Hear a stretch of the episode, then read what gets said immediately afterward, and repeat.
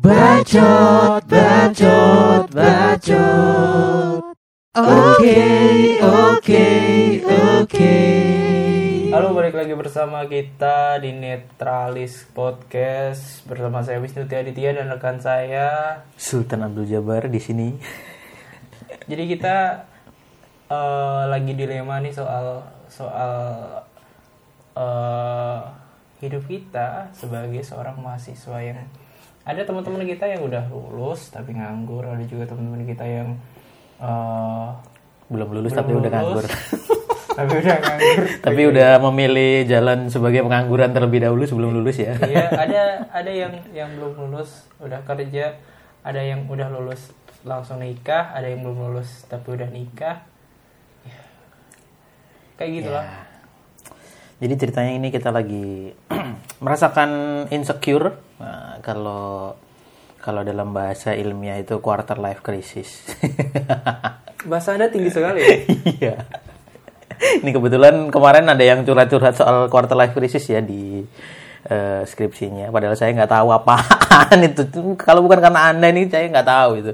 Jadi makasih eh, untuk is- sumbangan istilah akademisnya.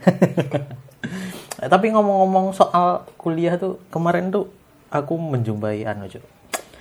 Eh, fenomena aneh. Gimana gimana? sebenarnya sebenarnya nggak aneh sih. Umum udah umum. Cuman menurutku jadi aneh karena Kamu sendiri iya aneh. karena karena saya termasuk di dalamnya gitu loh. Nah dari kemarin tuh ada viral hal- satu hal yang viral di Twitter soal nanyain. Ada yang nanya di Twitter. Eh lulusan filsafat tuh ntar kerjanya ngapain sih? Kan kayak gitu kan. Nah, Nah, yang lebih menarik itu mentionan balasannya itu bilang gini temanku lulusan filsafat tuh banyak yang jadi ateis loh Oh, sejak kapan ateis kerjaan ya? Iya, sejak kapan ateis itu jadi eh, salah satu Pekerjaan? profesi ya? Itu maksudnya ini nih. Boleh ini- tuh kalau digaji tapi. Iya boleh. Aku sangat siap untuk menggaji maksudnya ya kalau ada model pekerjaan kayak gitu. Maksudnya begini loh, eh, eh, kamu tuh jawab pertanyaan aja udah gagal paham gitu loh sama pertanyaannya. Jadi menurutku tuh kayak eh, kayak orang yang kuliah filsafat tuh selalu diidentikan sama oh lu ntar jadi ateis kayak gitu. Padahal tuh yang sebenarnya eh, kita lebih khawatirkan itu anunya kayak gue ntar kerja apa ya gue ntar abis ini mau kerja model apa ya nggak bukan karena ateis atau enggaknya bukan ngomongin iman lebih lebih takut jadi pengangguran sebenarnya itu Tapi perlu ditanya lagi sebenarnya itu esensi kuliah itu apa sih? Kayak misal nih ya, ada yang bilang kalau eh, ya udah kuliah itu buat ngedongkrak kita biar dapat kerja yang lebih layak.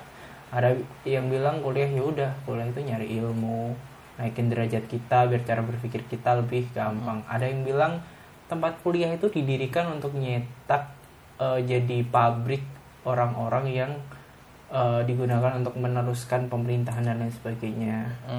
Ada yang bilang eh, universitas itu adalah tempat untuk menjual jasa-jasa pendidikan. Menurutmu kamu lebih serk yang mana tentang semua itu? Sebenarnya kalau aku pribadi sih yang penting juntrungannya duit gitu. Lebih lebih lebih yang lebih, terakhir manu- itu. lebih manusiawi sih sebenarnya menurut saya. Cuman cuman kan emang emang emang maksudnya ujung-ujungnya maksudnya bukan bukan ini bukan eh, mewakili semua orang ya. Maksudnya ujung-ujungnya kalau kamu belajar terus kamu punya kemampuan ya ya ya ya ujung-ujungnya kamu tuh perlu dihargain. Maksudnya penghargaannya tuh dalam bentuk nominal atau dalam bentuk apresiasi yang yang lain sebagainya kayak gitu sih. Cuman cuman kalau se semudah untuk nyari kerja aja sih sebenarnya susah dipahami ya. Cuman kenyataannya kayak gitu. Iya, mungkin juga karena kalau menurutku ya, kalau mindsetnya sama mayoritas Indonesia itu eh, masyarakatnya punya pemikiran bahwa kuliah itu untuk mempermudah mereka dapat pekerjaan. Mungkin itu akan mengecewakan mereka karena banyak sekali yang setelah lulus kuliah itu nganggur. Karena berharap bahwa setelah lulus kuliah ya udah apa yang mereka dapatkan di perkuliahan itu dapat menunjang eh, pekerjaan mereka. Padahal ya gimana? Lu pernah lihat rumah sakit tiap tahun ganti anu dokter? Atau lu pernah lihat eh, perusahaan tiap tahun ganti karyawan? Kan enggak. Sedangkan tiap tahun tuh mahasiswa tuh lulus gitu loh. Ya mungkin anu, Cuk. Di rumah sakit tuh perlu menganut sistem anu substitusi. Jadi kalau capek diganti 90 menit permainan. Sebenarnya kayak gitu. Cuman tuh emang emang apa ya, emang emang kalau aku ngelihatnya orang-orang yang pada akhirnya nganggur ini sebenarnya mereka tuh pikirannya visioner loh visioner paling visioner daripada kita kita yang memilih untuk ah kuliah di sini gua kerja eh, misalnya kuliah ilmu komunikasi nanti kerja jadi apa namanya di di agensi kayak gitu sebenarnya orang-orang yang kuliah terus habis itu dia nganggur atau jadi pengangguran memilih antara memilih atau terpaksa jadi pengangguran sebenarnya mereka tuh visioner karena mungkin di di, di masa depan pengangguran tuh jadi jenis pekerjaan Jo. ngelihat banyaknya orang bekerja banyaknya orang yang stres karena pekerjaannya. Nah orang-orang yang pengangguran ini yang akhirnya nanti diberdayakan. Tekanan pekerjaan tuh kan namanya aja tekanan pekerjaan. Hanya berlaku untuk orang yang bekerja. Jadi kalau orang nggak orang yang bekerja minim tekanan. Atau mungkin memang harusnya dipaksa aja ya orang-orang ini biar kerja terus kerja bagi kuda terus stres terus akhirnya yaudah orang stres nggak bisa kerja nah yang nganggur nih masih waras Nah, nih. iya itu kayak gitu. kayak- Wah, wah yang nganggur masih waras nih. Mau gila nggak? Tapi itu sebenarnya anu juga, Cuk. Apa namanya? Kamu mung- mung- mungkin ini pikiran liarku ya. Maaf. Anda liar ya Pendengar harus mendengar keliaran saya. Jadi begini, sebenarnya tuh eh, kita kalau kalau kita terbatas cuman jadi apa namanya produk. Maksudnya abis kuliah kuliah kan produknya tuh ya mahasiswanya itu loh. Hasil pemikirannya kan dari mahasiswa mahasiswanya atau atau orang sekolah tuh ya hasilnya di, di siswa siswanya nah kalau kamu kerja jadi karyawan berarti kan kamu produk juga kan? Produk produk dari pendidikan produk dari perusahaanmu nah jangan-jangan kita tuh sebenarnya cuman produk yang anu Jo. Cuman produk yang diputer-puterin. Misal nih SMA jadi siswa kuliah jadi mahasiswa pas kerja jadi karyawan. Sampai gila masuk RSJ jadi pasien. Itu semua kan produk gitu loh. Berarti kita tuh sebenarnya itu barang jualan sejak lama. Iya perlu di anu juga sih, perlu digali ke belakang juga. Misal nih, wajib pembelajaran kita cuma sampai SMA. Iya 12 tahun oh Iya, iya gitu. Setelah itu terserah lu. gitu. Sepenting apa pendidikan itu juga jadi pertanyaan juga untuk neg- negara ini. Kayak eh, kita mau maksa-maksain untuk misal pemerintah eh, ngehandle bagaimana pendidikan ini berjalan, menyesuaikan industri di di negara negara ini misal seperti negara-negara tetangga. Di negara-negara tetangga kan banyak kan eh, universitas yang eh, penjurusannya itu sangat eh, sesuai dengan apa yang dibutuhkan negara. ah iya iya iya Nah, mungkin juga itu salah satu eh, faktor kenapa ada pertanyaan jurusan filsafat itu harus ke mana gitu. ah mm ya Ya, apakah apakah mereka itu nanti akan di bagian eh, tadi perekrutan perekrutan ateis eh, ateis atau mungkin gambaran mereka seperti Rocky Gerung ya. Hmm, gimana tuh Iya, Rocky Gerung eh, dia dari bidang filsafat, kemudian banyak memberitakan tentang keimanan dia nah dan lain sebagainya dan menurutku sih orang yang ngarang ah temanku ini anu jadi ateis mereka tuh ngarang sebenarnya. Saya Iya, pikir kayak gitu karena faktanya juga di di universitas kita nih misalnya ya, Mm-mm. ada dosen dari bidang eh, apa itu namanya filsafat juga terkenal juga di bidang dakwah Mm-mm, orang-orang. Banyak. Yang yang dulu mengatakan bahwa filsafat itu eh, ilmu yang yang bahaya gitu bisa membuat pikiran kita gila dan lain sebagainya menentang Tuhan dan lain sebagainya tapi kalau misal teman-teman yang dengerin ini coba mampir ke beberapa platform yang menayangkan eh, obrolan gurih dari Pak Faiz ber Fahrudin Faiz. ya pasti kalian dengar kalau beliau juga juga apa itu namanya menyampaikan filsafat itu dengan ringan relate dengan hidup kalian dengan percintaan dan lain sebagainya seperti itu Nah, berarti itu tuh sebenarnya bukti kalau lulusan filsafat tuh bisa jadi konten kreator kayak Pak Fahrudin Faiz. Jadi Bukan tuh- ateis gitu loh maksudnya. Oh. Heeh, mungkin mungkin kat- mungkin kalau Pak Fahrudin Faiz tuh muda, lebih muda dari umurnya sekarang, mungkin kalau ada jurusan TikTok dia masuk Nah, kayaknya. iya. bisa jadi ya dia- dia. Dia pemilih untuk wah. misal dia no apa tuh namanya buat konten eh, teori-teori di filsafat gitu tapi sambil joget ya Hmm, ya. Kalau di umurnya bayangin bayangin bayangin kira-kira Pak Pak Faiz itu umur berapa 40 ya 40 sekian Lebih, kemudian coy. oh lebih ya Kayaknya terus, lebih. terus menjelaskan ilmu filsafatnya sambil joget tuh luar biasa Iya, ini aku nggak bisa bayangin dengan umurnya ya. itu mungkin yang joget tangannya aja tuh terus gimana. Pak Faiz dapat endornya jadi Shopee kayak Nah, itu kan kayak Tukul itu kan juga jogetnya sama penari latarnya Shopee bisa aja. Iya. Mungkin Pak Farudin Bisa- Rais bisa bisa saja di masa depan bisa itu. ngikutin jogetnya Tukul. Iya. Si- bisa juga Pak Pak Faiz bisa joget bareng Blackpink iya. bisa cuy. Kemungkinan itu pasti ada itu. Nah, nah salah satu salah satu apa tuh namanya keunggulan filsafat juga kan itu kan apa itu namanya, potensi itu selalu ada gitu kita nggak boleh menutup kemungkinan Pak Faiz itu bisa joget sama Blackpink iya, iya betul, Jo. Aku pernah pengala punya pengalaman gini, Jo. Waktu KKN tuh joget Kan- sama Blackpink? Bukan. Oh. KKN ku nggak sama Blackpink Oke. atau Pak sama Pak Faiz ya. Apalagi joget enggak.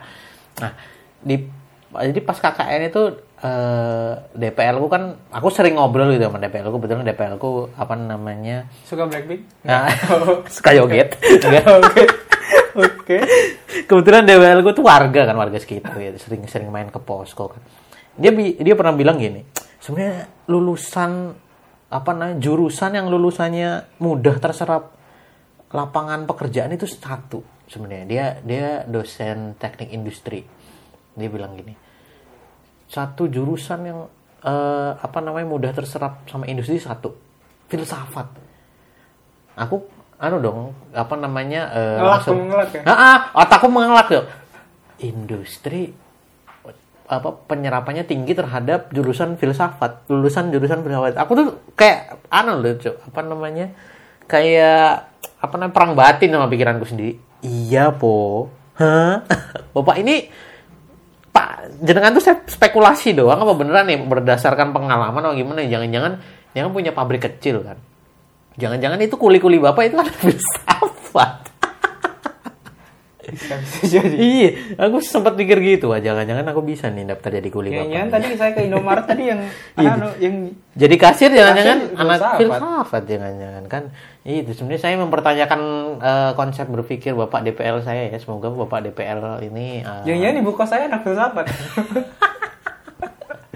Eh, nah, ngomong-ngomong soal anak filsafat sebenarnya eh, kalau untuk sekarang tuh udah umum banget ya maksudnya kuliah.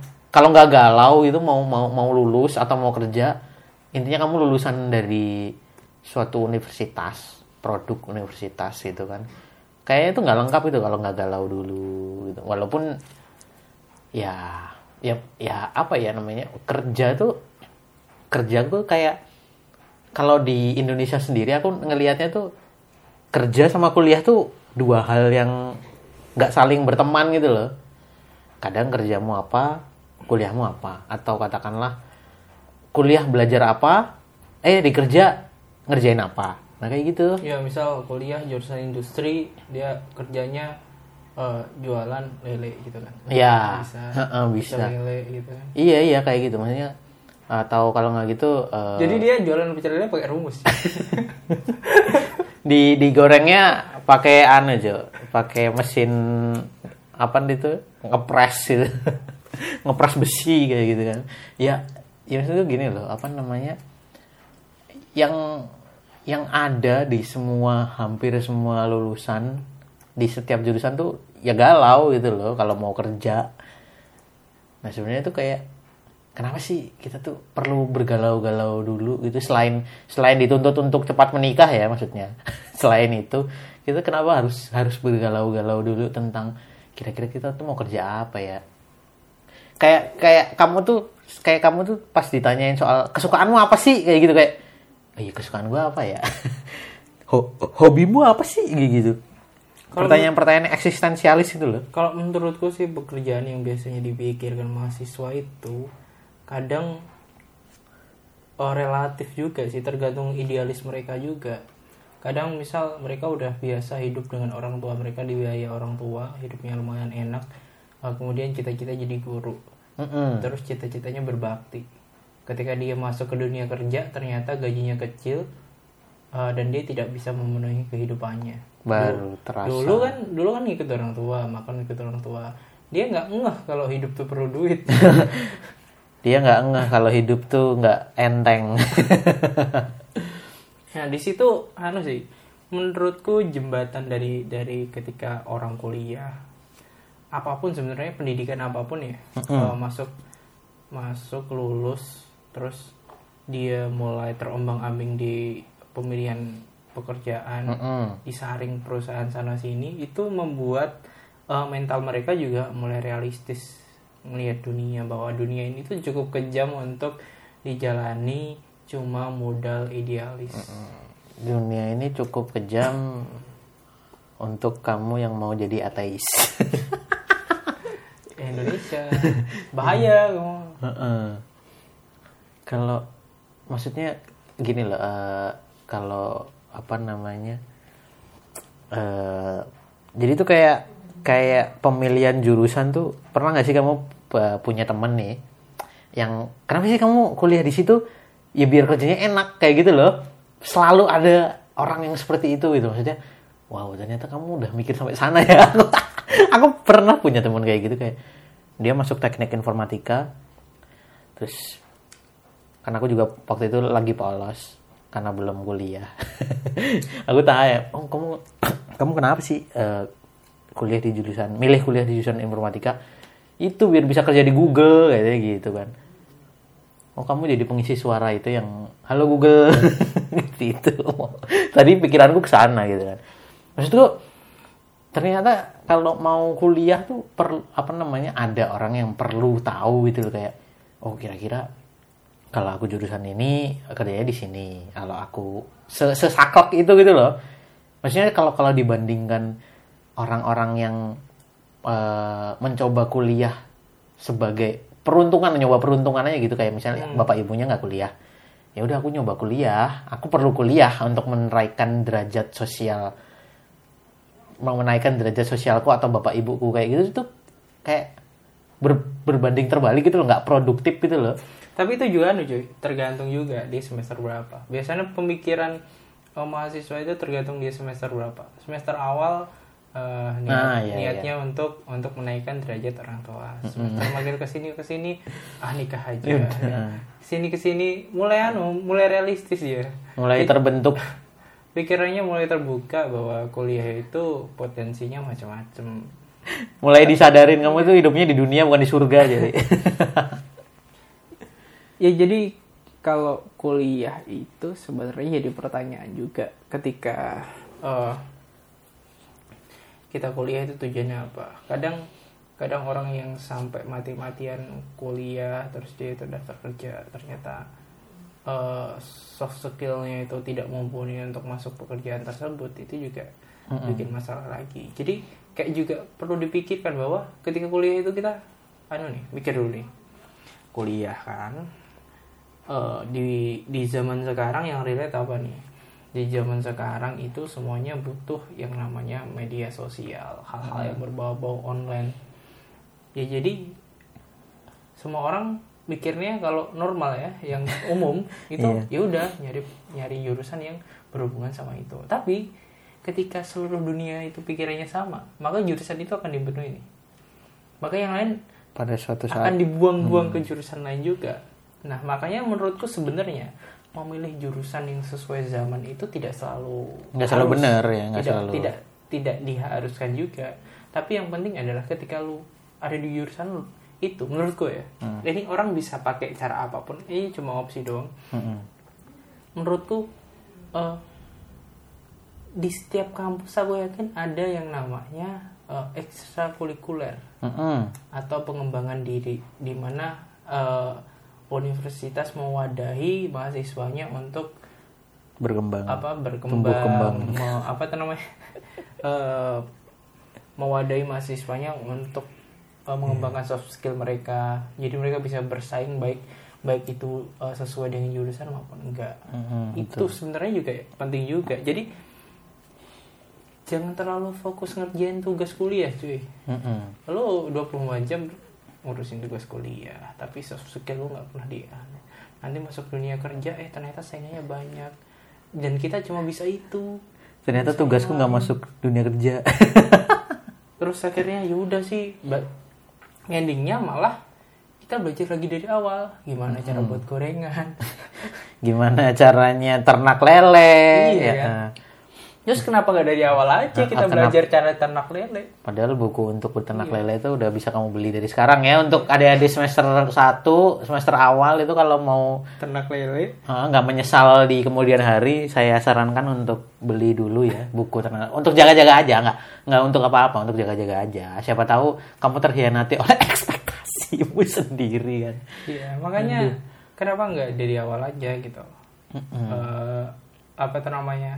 Waktu untuk kuliah itu digunakan untuk eh, sekolah eh, masak gorengan terbaik gitu. Misal, misal kan ya. Betul, betul, betul. Atau bisa juga gini, lu bisa sekolah untuk ningkatin cara berpikir lu itu pertama. Yang kedua lu bisa sekolah untuk itu nyari yang namanya relasi, Relasi, itu yang nggak bisa lu dapatin bahkan gini menurutku orang yang eh, boleh-boleh aja sebenarnya cuman cuman cara pikirku aja yang menurutku ketika lu milih lulus cepet kumlot cepat? Tercepat, terbaik, terbaik. Terenak, apal apalah itu ter terbebas hambatan itu wah ada. ya itu dipikirin lagi kayak portofolio lu udah mumpuni belum kayak CV lu udah ada isinya belum. Lu kuliah 4 tahun CV lu kosong terus lu cepet-cepet anu wisuda. Terus setelah itu lu ditanyain pengalaman lu mana ketika lu ditanyain pengalaman lu mana lu nggak nggak ada pengalaman terus ah, malah perusahaannya nuntut lu punya pengalaman terus lu bilang ini pak saya sedang Se- mencari kayak pengalaman." saya kan lagi mau nyari pengalaman, pokok dimintain pengalaman gimana sih? Ya, gitu. iya kamu kerja di sini harus ada pengalaman gitu. ya ini saya mau nyari pengalaman, Pak. iya tapi kerja di sini harus ada pengalaman dulu itu ya itu makanya aja nerima saya dulu, Pak. gitu aja sampai nanti ya tapi tapi menurutku menarik sih itu. Maksudnya gini, selain kamu harus uh, mengetahui itu, maksudnya katakanlah memperbanyak CV, memperlengkapi CV kamu, soft skill dan sebagainya. Pun demikian maksudnya kalau kalau kamu tuh mahasiswa yang kupu-kupu katakanlah kupu-kupu atau bukan ada malam ya Nah, bukan ada malamnya kupu-kupu yang di siang hari gitu maksudnya. Kamu mahasiswa yang kupu-kupu, kamu tuh seenggaknya harus memilih kesadaran untuk kalau nggak gitu, kamu tuh punya pikiran untuk misalnya kamu sadar nih kalau ah, aku tuh nggak aktif nih di kampus. Berarti kalau nggak gitu, kamu memilih untuk aktif di luar kampus katakanlah kayak gitu. Kalau nggak begitu lagi, kamu punya harus punya alternatif berpikir katakanlah kalau kamu mau bekerja, kamu nyari kerjanya jangan yang minta pengalaman, tapi mau ngasih pengalaman kan banyak tuh kerjaan yang ah, nawarin training dulu. ah. Nah, itu itu pasti itu pasti kamu kamu nggak ada pengalaman bakal diterima coy karena emang niatnya di situ kamu bakal di training gitu loh. Itu kan pengetahuan juga kan maksudnya. Kamu tuh harus sebagai mahasiswa khususnya yang tingkat akhir tolong ya ini teman-teman saya dengar.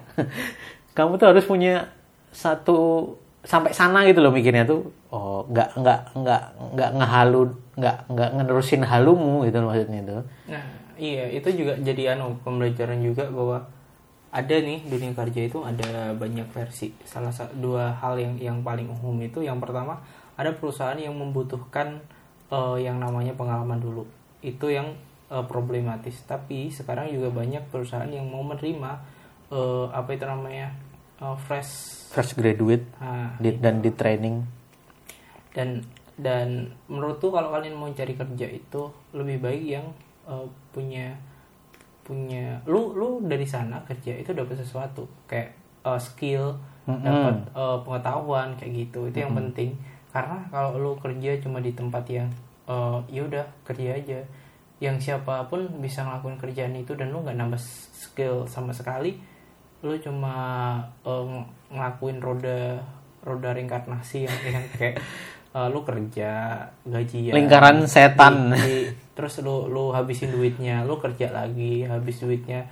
Ketika masa kerja lu habis lu nggak punya eh, apa itu namanya skill yang lain lu nggak bisa ngembangin eh, bakat bakat lu di bidang yang lain sedangkan lu nggak bisa kerja lagi di situ gimana dong? Hmm, iya, masa lu belajar lagi dari nol untuk untuk eh, misal jual gorengan lagi kan? Untuk Lele. ternak lele Kan- lagi kan susah makanya Gitu. itu. Jadi Jadi emang- harus dipikirin, apalagi di zaman sekarang ini ya. Semua hal itu harus dipikirin dengan cermat. Gak bisa kita itu bim salah bim aja kayak zaman dulu tuh susah cuy. Saingannya udah banyak banget. Kayak kalau semuanya itu cuma ngarepin apa itu namanya gimana hasil doanya masing-masing ya ya susah. Mm-mm. Emang lu bisa bisa ngejamin doa lu lebih ampuh daripada teman-teman di samping lu? Bisa aja. Dia nggak ada takarannya coy doa tuh lebih bagus dari yang satu sama lain tuh susah Iya, nakarnya bisa jadi temen lu ngegocek doanya lebih kenceng daripada lu kan. Nah, itu. siapa tahu settingan doanya temen lu settingan racing kan Iya.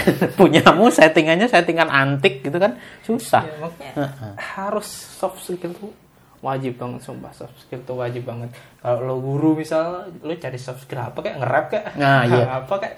Lo kalau kalau lihat di TikTok kan ada tuh guru nge-rap nge-rap. Nah itu itu Banyak. bisa terkenal itu. Iya. Kalau lo bidangnya misal eh, mencangkul gitu kan siapa tahu kan ada Iya. nah per- diperlukan wah kita mau buka ekstrakurikuler pertanian nih gitu. Pak kan bapak biasa uh, ngangon pakai kebo tuh coba pak jadi itu. Itu bisa Iya, jadi peluang nambah harus, bayaran. eh, harus ada cabang pengembangan keilmuannya misalnya.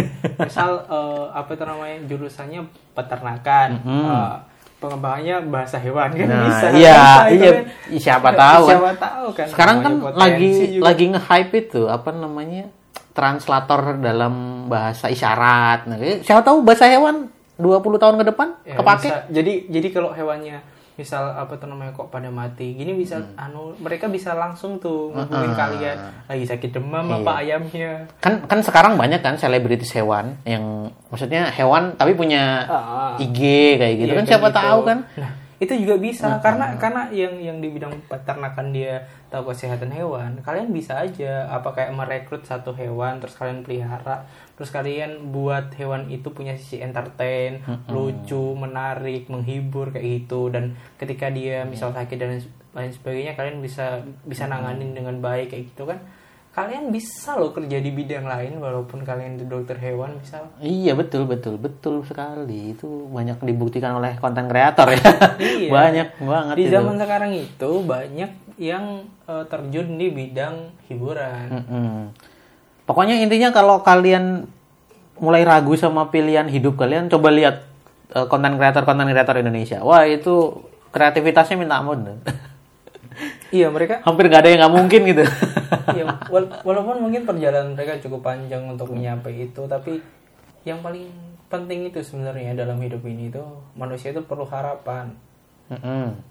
ya kalau nggak ada harapan ya ke mana cari pohon Siapa pohon- tahu. pohon cabe apa gimana gitu ya jangan jangan Cari wangsit, Cok. jangan yang Harapannya nyari wangsit emang, Jo. Maksudnya itu, siapa tahu iya ya. cari harapan Ah, nyari harapannya, nyari Jangan harapan. berharap terus sama pemerintah berharap pada diri sendiri udah apa Berharap pada diri sendiri dulu, ntar kalau udah kalau mentok Nah, kalau udah mentok baru boleh berharap sama pemerintah. nah itu tapi jangan terlalu berharap berharap terlalu berharap tuh sakit Iya, ya, heeh. gitu. Ini bansos aja habis dikorupsi ini. Aduh, gimana ya?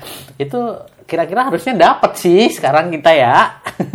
ya mungkin eh, itu kan bantuan sosial mungkin kita tidak termasuk sosial oh ya, kita nggak termasuk lingkaran sosialnya mungkin ya. Iya, ya. mungkin inter- kita introvert jadi bisa iya, Ca. Oh iya bener juga bener juga. Mungkin sosial yang dia maksud tuh keluarga. Ah, bisa jadi. Iya, jadi itu balik lagi. Eh, kalau kalian yang dengerin ini tuh belum kuliah, kalian perlu pikirkan lagi tujuan kuliah kalian apa. Cuma pengen sekedar pintar, kelihatan pintar, dapat ijazah atau gimana? Karena kalian cuma pengen dapat ijazah, banyak itu di luar sana universitas yang emang jual beli. Hmm, nggak 100% jual beli, tapi lu ya pokoknya masuk aja lah, absen aja lah, pasti lulus. Ada uni- universitas yang yang emang susah, Eh, tergantung bidangnya juga tergantung penelitiannya juga banyak kesusahan di sana ya nggak terlalu nggak jangan terlalu punya ekspektasi yang cukup tinggi gitu. Yang yang bisa nentuin lo tuh kerja gimana lo lo tuh nanti layak enggak hidup eh, dan dapat pekerjaan sesuai dengan kemampuan itu yang nentuin lo sendiri. Mm-mm. jadi universitas itu biasanya cuma sekedar kayak oh, ngasih fasilitas aja cuy ngasih fasilitas pembelajaran ngasih fasilitas untuk jalin relasi ngasih uh, fasilitas untuk yaudah apa ngelihat istilahnya miniatur uh, kehidupan gitu. Nah masalah nanti tuh lu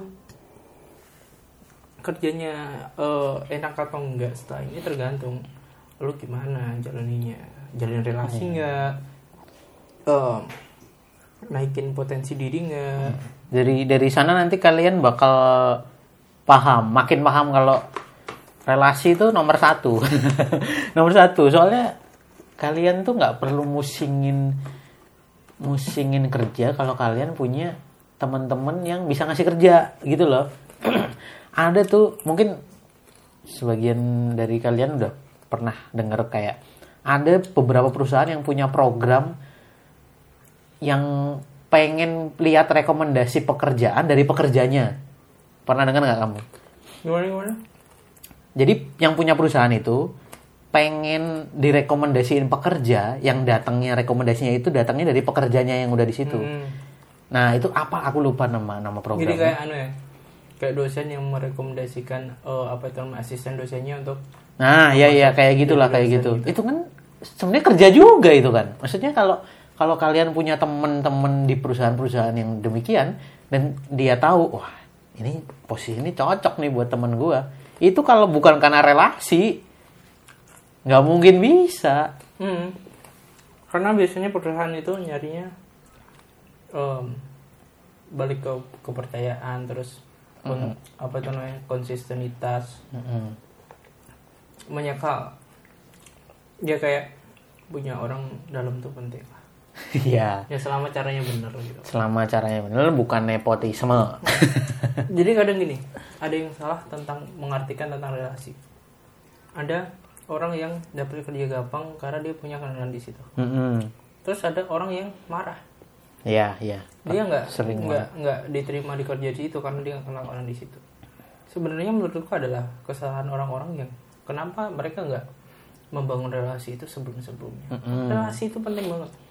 Karena relasi itu kadang bisa menghapuskan eh, apa itu namanya? rintangan-rintangan Iya. nyekip nyekip nyekip apa itulah apa namanya nyekip sial Iya, kayak iya, lu nggak bisa mengingkari kalau lu kenal presiden, lu bakal dapat dapat kemudahan. Gitu. jadi staff sus misalnya kan Itu nggak bisa diingkarin, orang da- dalam itu Iya. penting. Ya, tergant. Tapi juga anu juga sih. Beda lagi sama orang dalam yang lu kenalannya pakai duit itu benar. Beda. Iya. Lu lu ke- uh, datang ke departemennya terus lihat ada calo, lu kenal nyodorin duit dari pak duit saya itu juga orang dalam sih kan. tapi itu beda bukan itu yang saya maksud bukan channel itu namanya bukan relasi itu iya kayak orang yang udah kayak kenal lu lama terus percaya dia itu kerjanya bagus kayak gitu pasti rekomendasiin lu buat Oh, iya merekomendasi untuk lu kerja di sana gitu. Cocok nih. Eh ada nih. Apa itu namanya? Oh ada yang kosong nih. Eh, kursi buat buat eh, jurusan yang sesuai sama lu. Lu masuk sini mau nggak gitu. Kalau mau nih anu kan tinggal satu nih ku tutup nih. Anu lowongan kerjanya langsung lu bisa ke sini kayak gitu. Ini kayaknya kamu kemarin itu ya punya ternak lele ya. Ini perusahaanku lagi nyari orang yang mau di itu direkam. Untuk jadi konten perusahaan mau nggak? Jadi konten yang harian gitu. Nah kayak gitu. Kita ke kerja kerja freelance lah eh, jadi influencer lah apalah kayak gitu kan bisa. Betul sekali. Itu itu bagian yang pentingnya dari sebuah universitas itu. Gini loh eh, kenapa eh, kita nggak mm, nggak harus buru-buru buat lulus? Itu karena gini nalar aja ya lu kalau ketemu di universitas atau di sekolah di SMA di SMP lu lebih gampang ketemu orang banyak orang Eh, karena dikumpulkan di satu tempat Mm-mm. beda sama ketika lu udah lulus lu nggak mungkin kan tiba-tiba di di di lapangan apa namanya di alun-alun terus kemudian lu ngajak ngobrol tuh semua orang yang ada di situ tanpa tanpa ada Tanpa apa. kenal, tapi tanpa- kalau lu ada kayak ada apa latar belakang dari universitas yang lama lu punya alasan untuk ngobrol sama mereka untuk eh, apa tuh menjalin relasi dan Hmm. karena lu terikat di universitasnya orang jadi gampang percaya gitu. Oh iya Oh, kita iya, dia adik adik universitas, tingkatku. Ya kayak gitu. Nah, kecuali kalau kamu dulu sama kakak tingkatmu itu ya dendam ya mungkin mungkin beda cerita itu wah di tingkat bangsat ini masuk ke sini. Wah itu itu mah anu biasanya perkara utang perkara cewek. Nah, itu, itu. itu jangan jangan diikuti tidak boleh. Itu sultan sekali itu. Iya. Jadi berhenti main cewek ya. Dari sekarang hati-hati karena nanti ada perasaan yang kamu Kan sakiti. mainan yang lain banyak itu sekarang. Mainan yang lain mau main sama Mobile Legend kayak apa gimana gitu kan. Lebih main gitu loh daripada mainan mainan cewek. Eh, lanjut lagi di di di ke ke ke kuliah lagi. Jadi itu ya eh itu kan anu kan tadi bidang eh, kuliah yang yang bahas soal kerja. Gimana kuliah-kuliah yang eh, ya udah kuliah itu untuk naikin eh, Derajat. taraf berpikir. Oh, itu gimana, gimana tuh? maksudnya? Eh kuliah buat na naikin taraf berpikir tuh kayak misalnya gini. Kita hidup itu kan konfliknya banyak nih. Mm-mm. ada A B C D E F G H I kan. menurut orang yang nyari ilmu entah di mana nggak cuma di universitas ya. Jadi orang berpendidikan itu nggak cuma dari universitas kalau kalian belajar di jalan dan kita belajarnya sungguh-sungguh kalian juga orang berpendidikan menurut saya kayak gitu yo iya benar Nah, dari situ orang yang punya pengalaman banyak sekali sama orang yang belajar banyak pengalaman dari orang lain itu menurutku sama aja. Mm-mm. Dan dan karena mereka punya pemikiran, punya punya basis uh, pembelajaran itu, mereka punya yang namanya kelebihan yaitu resolusi konflik Mm-mm. di mana mereka lebih mudah uh, punya solusi untuk banyak masalah. Jadi nggak cuma satu masalah aja. masalah-masalah berarti masalah yang banyak kayak kayak ibarat eh, kedokteran. Lu tuh dokter umum cuy. Jadi dia bisa eh, nanganin pilek bisa nanganin batuk, bisa pilek batuk pilek mencret. gatel, mencret apalah gitu. Nah kayak gitu jadi kredibilitasmu meningkat gitu kan. Itu walaupun nggak itu analoginya nggak nggak persis banget sebenarnya. Tapi emang kalau lu belajar itu lu punya banyak eh, kayak lu punya lebih banyak eh, kepala lu yang aktif gitu loh. Mm-mm. sel sel otak lu nggak nganggur gitu loh kayak lu. Iya. Jadi jadi karena itu biasanya orang-orang yang berpendidikan bener-bener dia nyari anu ya nyari apa itu namanya pendidi- pendidikan ya bukan bukan sekedar nyari gelar. Biasanya mereka punya pemikiran yang yang yang luas open mind gitu. Jadi gampang untuk mencerna hal-hal yang itu tuh rumit kayak gitu. Dan biasanya orang-orang kayak gitu gak gampang tersulut oleh eh, hoax-hoax yang ada di luar. Terus eh, apa itu namanya pokoknya hal-hal yang eh, menjurus kepada kebencian. Pokoknya yang ngerugi, ngerugiin kalian sendiri lah. Iya. itu itu penting penting banget sih. Jadi santuy gitu santuy kalem. nggak tersinggungan nggak mar drama, nggak gampang marah Nggak- gampang bikin instastory curhat. Nggak gampang apa itu namanya eh, tusuk-tusuk tangan. Nggak gampang nyari pohon Iya. cabe. Itulah. Itu. Pendidikan juga sepenting itu iya berarti karena karena juga anu kan mempengaruhi kar- karakter cara berpikir dan lain sebagainya Iya, salah satu tujuan orang dididik tuh ya itu untuk mempengaruhi karakter berpikir. Kan Indonesia juga punya tagline itu kan, pendidikan berkarakter.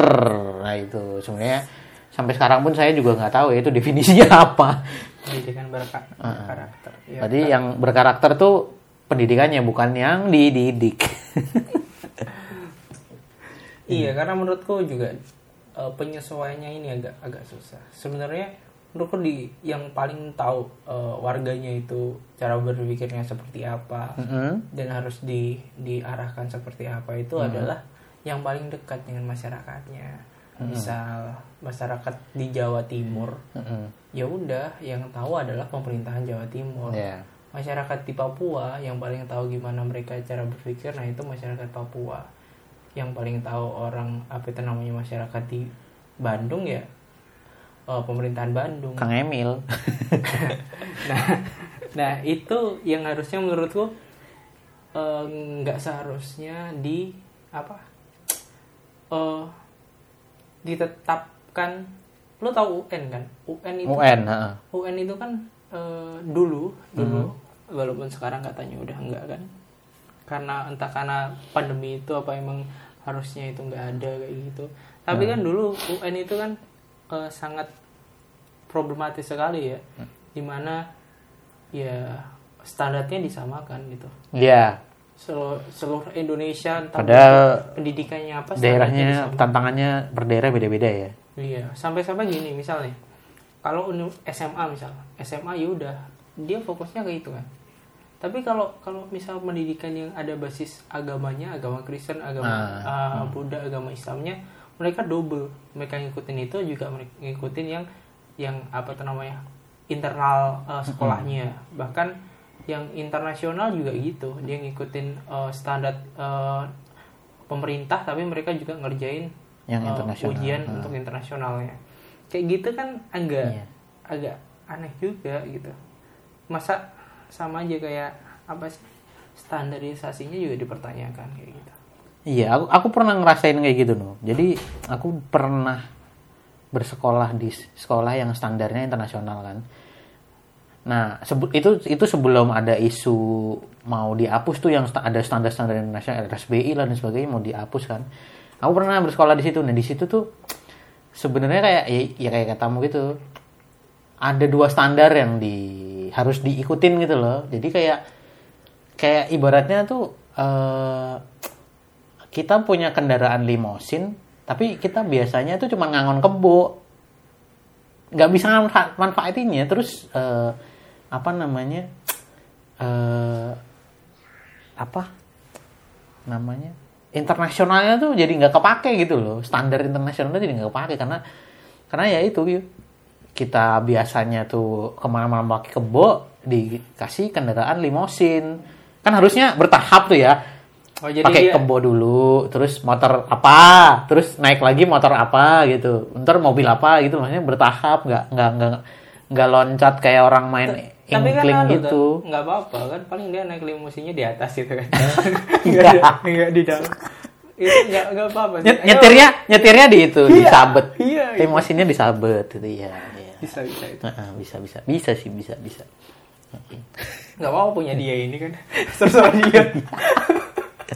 Iya, iya, jadi jadi emang emang emang emang kalau mau mem, kalau mau membuat kebijakan yang basisnya tuh dari orang bawah gitu katakanlah, ya ya kamu harus harus tahu gitu realita orang di bawah tuh kayak gimana, nggak kayak yang barusan yang viral itu kamu pernah yang apa debat debat bupati apa ya?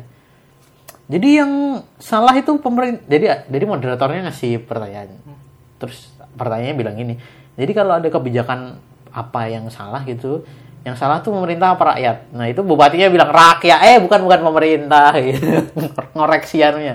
Jadi itu sebenarnya mereka tuh udah nggak adil sejak dalam pikiran gitu loh. Oh, udah pada udah nggak ada benernya kita jadi wa- warga ya nurutin mereka. Salah. Hmm, juga dipertanyakan juga nih apa tuh namanya Eh, kewenangan yang harus diberikan ke mereka itu sebenarnya eh, terbatas atau tidak? Itu kadang juga jadi pertanyaan. Karena sebelum masuk ke situ kayaknya cocoknya eh, balikan sih apa namanya. Universitas itu melahirkan pabrik-pabrik yang melanjutkan pemerintahan di nah ya ya Nah, dari situ banyak isu kalau beberapa universitas besar di Indonesia itu punya relasi-relasi lurusnya ke ke, Ah, ke hmm, departemen-departemen ke pemerintahan-pemerintahan itu. Jadi kalau lu ngeliat eh, misal di universitas lu eh, banyak yang naik jadi eh, dewan lah, naik jadi apalah, itu biasanya ada katanya ada orang-orang dalam yang emang emang mengharuskan oh oh yang ahli hukum tuh jadi dari universitas ini gitu. Hmm. udah garisnya udah udah udah kelihatan. Oh yang yang ahli apa itu namanya ahli tentang Iya. ini itu itu dari universitas ini itu udah udah ada lah yang ngebang. Jadi kalau berarti ke Kementerian Agama tuh harus universitas itu loh kalau nggak gitu kurang agamis gitu kan. bisa aja kayak gitu. Terus itu juga jadi pro- problematika juga kayak Kementerian Agama. Kenapa ya Kementerian Agama yang isi harus jadi universitas? Eh, yang Nah, basicnya eh, agama. Islam misal. Kenapa nggak nggak yang lain misal? Itu juga jadi pertanyaan juga. Keberagamaan di Indonesia ini juga jadi pertanyaan juga. Itu menyangkut isu-isu keberagaman ya, inklusivisme. Nah itu, itu susah sih. Soalnya memang keberagaman tuh ya bukan bukan bukan bukan hal yang patut disesalin. Cuman tantangan emang dalam mengurusnya gitu kan. tapi eh, apa itu namanya eh universitas itu univ itu sebenarnya seberapa besar peran mereka itu untuk hal-hal semacam itu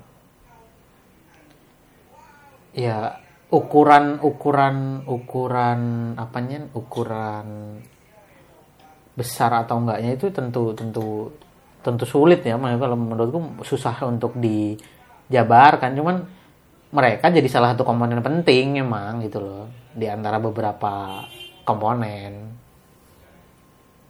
Menurutku sih begitu. Cuman ya ya kembali lagi maksudnya kalau menurutku tuh gimana pun maksudnya katakanlah dalam satu negara univ apa namanya universitasnya bobrok jelek-jelek gitu.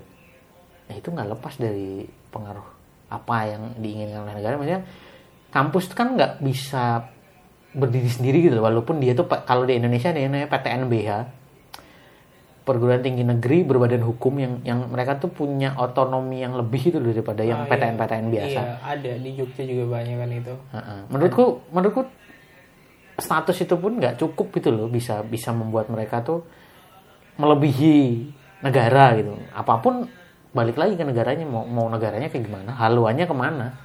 Dan dan universitas ini perlu kan universitas kan kalau kalau aku ngibaratnya itu ya maksudnya ujung tombak kemajuan gitu loh Ah, ujung tombak kemajuan kalau kalau emang katakanlah Indonesia mau jadi itu nih apa namanya eh, negara yang eh, teknologi yang maju ya nggak mungkin dong. Awalnya dimulai dari petani dulu. Nggak pasti kan pendidikannya dulu yang dirubah. Hmm. nah, pendidikannya institusinya instrumennya. Nah, ya kayak gitu. Jadi tapi ya, menurutku emang harus anu sih harus bareng juga. Maksudnya adalah eh, semua unsur itu termasuk pendidikan dan semua yang menopangnya itu juga harus dipedulikan secara sejajar menurut gue ya. Mm-mm. kayak misalnya eh, pendidikan di eh, apa eh, penjurusan di di universitas itu kan beragam. Dan banyak banget di bidang-bidangnya. Pertanian lah eh, apa itu namanya eh, peternakan kedokteran eh, hukum dan lain sebagainya. Itu kan banyak banget. Dan itu pun menurutku juga harus harus disinkronisasikan sama kebutuhan negara kita juga yang yang itu juga bisa bisa mengurangi kayak ya yang nggak butuh gimana? Maksudnya kalau negara nggak butuh eh, jurusan tertentu misal Mm-mm. kalau jurusan itu dibuat cuma untuk ngikutin misal idealisme pendiri universitas misal. Nah, kayak kayak gitu. Kan eh, Susah juga, ntar jenjang, nyusahin. jenjang berikutnya dari lulusan itu juga dipertanyakan gitu. Nyusahin orang malah ntar. Jadi tuh emang ada kan beberapa jurusan yang emang di, diciptakan oleh salah satu pendiri universitas itu yang sebenarnya itu bukan dari kebutuhan eh, apa itu namanya negara bukan kebutuhan masyarakat juga bukan kebutuhan pasar juga tapi itu balik ke idealisme dari pendirinya. Itu juga ada kan. Itu juga jadi problematis ketika itu lanjut dan banyak banyak apa itu namanya banyak eh, mahasiswanya.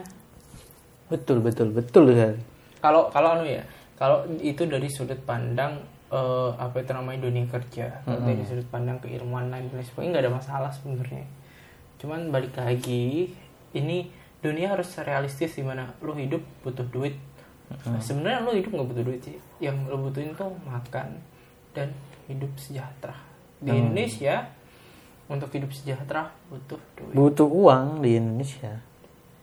Jadi kalau lu kelihatannya nih lu masih kuliah nih dan lu nggak digambaran sama sekali setelah lulus mau ke mana mending lu ngerancang sesuatu yang bisa lu kerjain. Kayak misal zaman sekarang banyak yang namanya startup. Mm-mm. hal-hal yang yang eh, didirikan oleh generasi-generasi sekarang. Itu kan dia datang dari ketidak ketidak apa kebingungan juga kan kadang datang dari kebingungan terus dia punya ide. Gimana kalau kayak gini? Misal ada yang ngebuat eh, apa itu namanya bank darah. Mm-mm. bank darah secara online. Orang-orang yang menyalurkan darah bisa ke sini ke sini ke sini dan bisa di uh, akomodir lewat aplikasi tertentu. Kemudian sekarang ada belanja belanja online online yang awalnya itu juga dari uh, startup. Itu dulu kerjaan kerjaan kayak gitu nggak ada sekarang kerjaan jadi admin anu apa itu namanya? Instagram ada. Kerjaan Admin dari shop. admin Hmm. TikTok ada. Iya. dulu nggak ada kerjaan kayak gitu. Sedangkan nggak ada jurusan apa itu namanya admin TikTok tuh nggak ada. Nggak ada. Jurusan yang ngajarin kamu untuk joget di TikTok itu nggak ada. Sedangkan pekerjaannya ada gimana tuh? Iya makanya. Jadi menurutku adalah eh, cara nyari pendidikan bukan cara cara nyari pendidikan memutuskan kita mau jadi apa itu yang paling pas sebenarnya. Eh, yang penting kita jadi orang yang fleksibel bisa ke mana aja gitu. Kecuali untuk pekerjaan-pekerjaan benar-benar yang pro eh, profesif banget ya kayak pekerjaan yang yang dia butuh keahlian yang benar-benar eh, riskan gitu kayak kedokteran. Mm-mm. kedokteran apa itu namanya? Eh, Kedokteran- ahli jantung ahli apa kayak gitu kan. Itu nggak nggak bisa itu dianu apa Iya. nggak bisa itu di eh, Iya. didebatkan gitu itu harus orang-orang yang benar-benar belajar di emang profesi ada ada ada pendidikan profesinya Uh, uh, yang benar-benar uh, Hmm. kayak pendidikan di sains uh, yang berbasis uh, sains dengan yang berbasis sosial itu juga beda. Biasanya yang berbasis sosial lebih lebih relatif, kalau yang berbasis Lebih, sains hmm. itu lebih tetap kayak gitu. Itu juga harus dipertimbangkan juga. lebih bisa fleksibel dan sebagainya Jadi jangan jangan jangan ditubrukan gitu. Kita juga harus tahu porsinya ya uh, mana yang porsinya mana yang bisa fleksibel, mana yang ya itu nggak bisa di diganggu gugat. Lu minta minta obat nih, misal lu sakit nih sakit jantung dikasih obat segini lu nawar nih separuh aja boleh nggak gitu. nggak bisa itu kan Separuh aja lagi bisa nggak? beda lagi sama kayak eh, ketika lu punya masalah eh, apa masalah keluarga terus lu konsultasi terus lu ngomong eh, dia ngasih ngasih kayak solusi kayak gitu dia kamu minta eh, opsi solusi bisa aja gitu kan. Banyak hal yang yang ya itu bidang-bidangnya itu ada yang nggak bisa diperdebatkan ada yang ada, ada yang bisa. Tapi kalau perihal corona saya juga malas juga itu. Bahasnya nggak usah dibahas. Nggak usah nggak terlalu jauh itu bukan nanti kita nanti jadinya pusing sendiri. Iya karena kita nggak tahu fakta ya. kita udah terlatih tidak percaya. Kita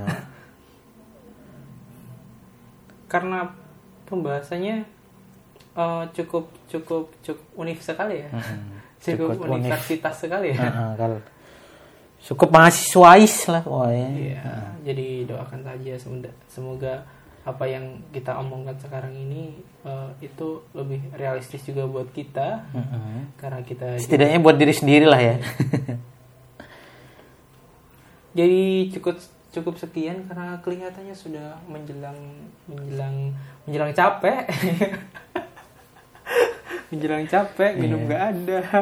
Tolonglah di endorse apa Nah, kayak gitu. iya. minuman kaleng tapi jangan kalengnya doang. Minuman kaleng tapi ya nggak kaleng-kaleng gitu kan. Iya. Eh, atau teh botol tapi pakainya. Tapi di antaranya sekerdus itu kan jadi Iya. Nah, teh kotak tapi botolan bisa. Terserah lah kita haus. Ya sekian sampai di sini saja. Terima kasih telah mendengarkan podcast netralis. Bye bye